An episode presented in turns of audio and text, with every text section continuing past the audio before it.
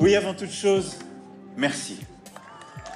Varsågod, Emmanuel Macron, Frankrikes omvalda president.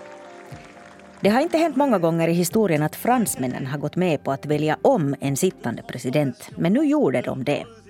Trots allt prat om hur impopulär Macron är, som ändå var den franska politikens gullgosse ännu för fem år sedan. Nu fortsätter han i alla fall som Frankrikes starke man och också EUs för den delen. Du lyssnar på nyhetspodden. Jag heter Jonna Nupponen och jag säger hej till Mette Nordström, svenska Yles Europakorrespondent. Hej! Hej, hej. Eh, hörde, du är på plats i Paris och du har följt med det franska presidentvalet och eh, valnattens spännande händelser. Mette, Macron blev omvald, men ville fransmännen egentligen ha honom? Det är en väldigt bra fråga. för Det som är utmärkande för den andra omgången i ett franskt presidentval är det att, att det är ett strategiskt val egentligen. Man brukar säga att i första omgången så kan fransmännen rösta med hjärtat hjärtat. Men i den andra omgången så ska man rösta med hjärnan. Och det betyder alltså att många inte alls röstade för Macron utan mot Le Pen. Vilket han själv också erkände i sitt tacktal under valvakan när resultatet var klart. Eh, det har funnits en tradition av att man går ihop över partigränserna för att hålla ytterhögern på avstånd här i Frankrike. Den här traditionen har minskat med åren åren. Men eh, det fanns nog tecken på det nu och det var egentligen det som säkert ganska långt avgjorde. Han vann ju trots allt med 17 procentenheters marginal. Mm. Och det var väldigt mycket mer än, än, än vad opinionsundersökningarna visade tidigare. För vid en, en tidpunkt så visade de ett ganska jämnt val. Och det var så jämnt i ett skede att, det låg, att den här skillnaden låg egentligen inom felmarginalen. Mm. Emmanuel Macron, centerliberal elitist och Marine Le Pen, högernationalistisk populistdrottning. De här två stod mot varandra i presidentvalet för andra gången i rad. Varför är det just de här två personerna, Macron och Le Pen, som hänger sig kvar vid makten gång på gång? Och då kommer man säkert fråga sig att vad är alternativen då? För mm. att eh, de gamla maktpartierna, socialisterna, alltså de som i våra länder skulle vara socialdemokrater och sen högerpartiet republikanerna, så de är ju helt marginaliserade idag också delvis på grund av sitt egna agerande, men också delvis för att Macron har lyckats dammsuga de mera moderata partierna på anhängare, det vill säga när han lanserar sin anmarschrörelse så fångar han upp de här mera moderata höger och vänsteranhängarna. Så det, partierna finns inte egentligen att räkna med mera. Sen å andra sidan så Marine Le Pen har varit väldigt skicklig att fånga upp det här missnöjet som pyr framförallt inom arbetarklassen. De är bägge väldigt skickliga politiker. Eh, sen kan man ju säga att Macron har helt misslyckats i det som han lovade eh, efter att han första gången blev vald. Eh, och då lovade han att minska ytterhögerns inflytande. Så det har han då inte lyckats med. Det här var tredje gången gilt för Marine Le Pen. Hon lovar att fortsätta kampen mot Macron. Han kommer förstås inte att kunna kandidera flera gånger för två mandat är max för en president. Men nu är han i alla fall återvald som Frankrikes president och det är ganska ovanligt att fransmännen väljer om en sittande president. Det här har hänt visst tre gånger tidigare i historien. Samtidigt så pratas det ju otroligt mycket om hur impopulär och elitistisk Emmanuel Macron är. Det här går ju liksom inte riktigt ihop. Hur lyckas han trots det? Jag tror att det är bra att titta lite tillbaka och minnas vem han var. Du nämnde redan att han var en gullgosse. Mm. Eh, han svepte ju formligen till makten då 2017. Han var ung, energisk, han var ett nytt politiskt löfte. Han hade nya visioner och så tog han folket med storm så att säga. Det var en jordskredsseger och han fick också majoritet i nationalförsamlingen, det vill säga parlamentets undre kammare. Sen så har det i praktiken varit, de här fem åren har varit väldigt turbulent för honom. Hans reformpolitik politik, det som han lovade. Han lovade förändra eh, Frankrike ganska långt i grunden. Alltså det stötte på väldigt mycket protester, bland annat då de gula västarna. Men sen kom ju andra saker också, som till exempel covid-pandemin och, och nu senast kriget i Ukraina. Mm. Så frågan är att, speciellt också när vi tänker på den här situationen i Europa, att har fransmännen trots allt valt stabilitet framom det som Le Pen Eh, representera. Eh, Macron har fått ner arbetslösheten, ekonomin är hans bästa sida. Han har också klarat ganska bra den här eh, skötseln av covid-pandemin trots att den också stötte på protester, protester mot vaccin och så vidare. Idag så är vaccinationsgraden väldigt hög här i Frankrike. Så, så jag tror att här finns mycket av de här eh, orsakerna till varför han egentligen har lyckats. Och det här igen att man har den här enade fronten mot ytterhögern. Inte lika stor som traditionellt men ändå tillräckligt stor för att ge honom den här segern. Mm. Han anklagas ju också för att föra politik för de rika. Det har kommit upp väldigt mycket under den här valrörelsen. Men stämmer det här? Gör han det? Det är någonting som hans motståndare anklagar honom för, att han är de rikas president. Det, det är ett sånt här politiskt slagträ. Eh, men han anses nog föra en ekonomisk politik som är förankrad på högerkanten. Och det som orsaken till varför att man säger att han, att han är de rikas president så handlar väl delvis också om att bland de första åtgärderna som han tog till då när han blev vald eh, första gången till president så slopade han förmögenhetsskatten. Och så mm -hmm. införde han också platsskatt på kapitalinkomster.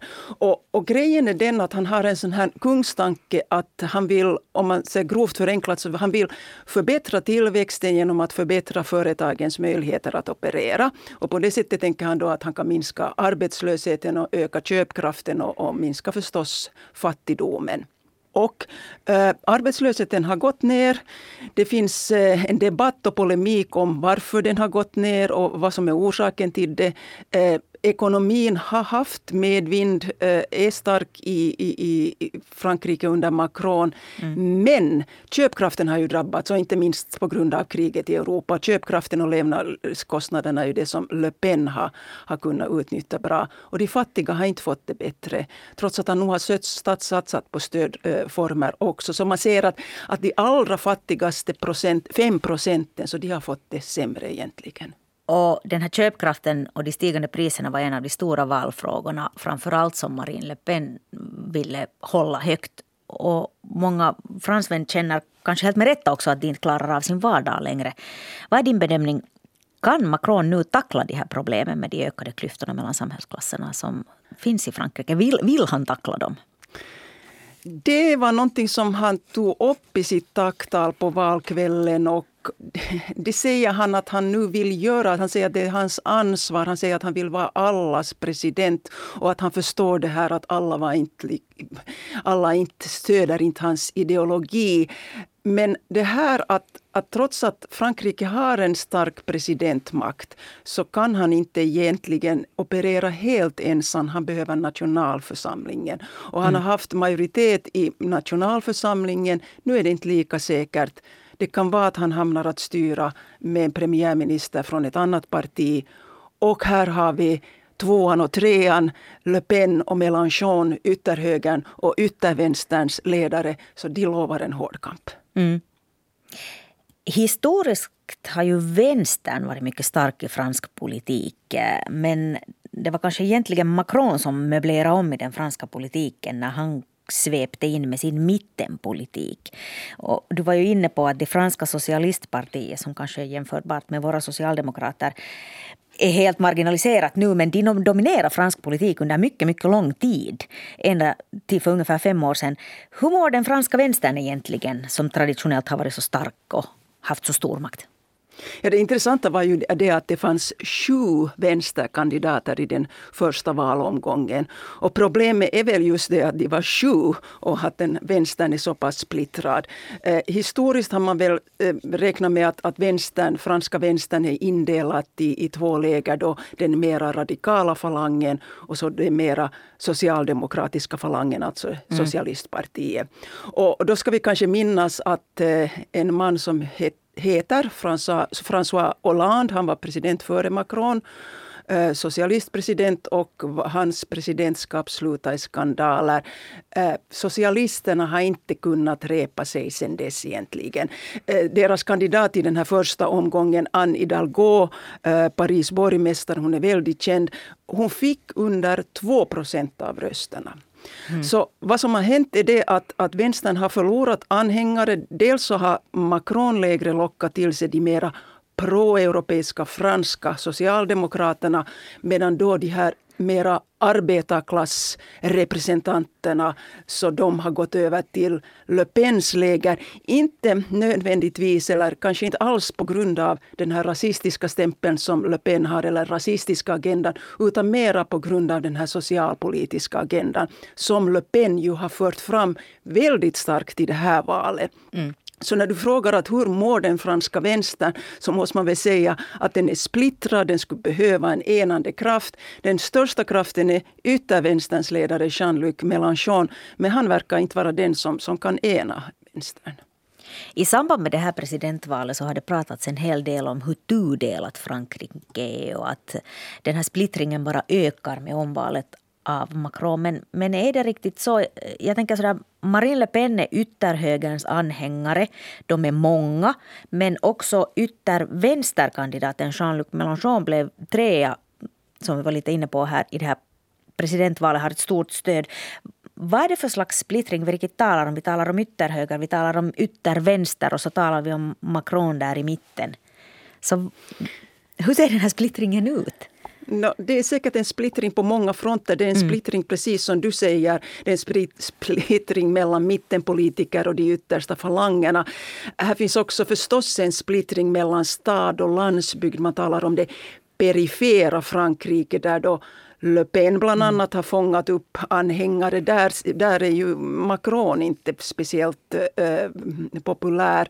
Jag var själv för några veckor sedan så var jag i norra Frankrike, det här så kallade rostbältet. Det är alltså tidigare industriregion med, med gruvor och, och smältverk. Och, och de här gruvorna och smältverken har ju förstås, förstås stängt. Och där är nu arbetslösheten den högsta i Frankrike trots att Frankrike överlag har fått ner arbetslösheten arbetslösheten så inte i de här områden. Där mm. finns också mycket sociala problem och där så är förstås Macron och hans gelikar inte alls speciellt populära.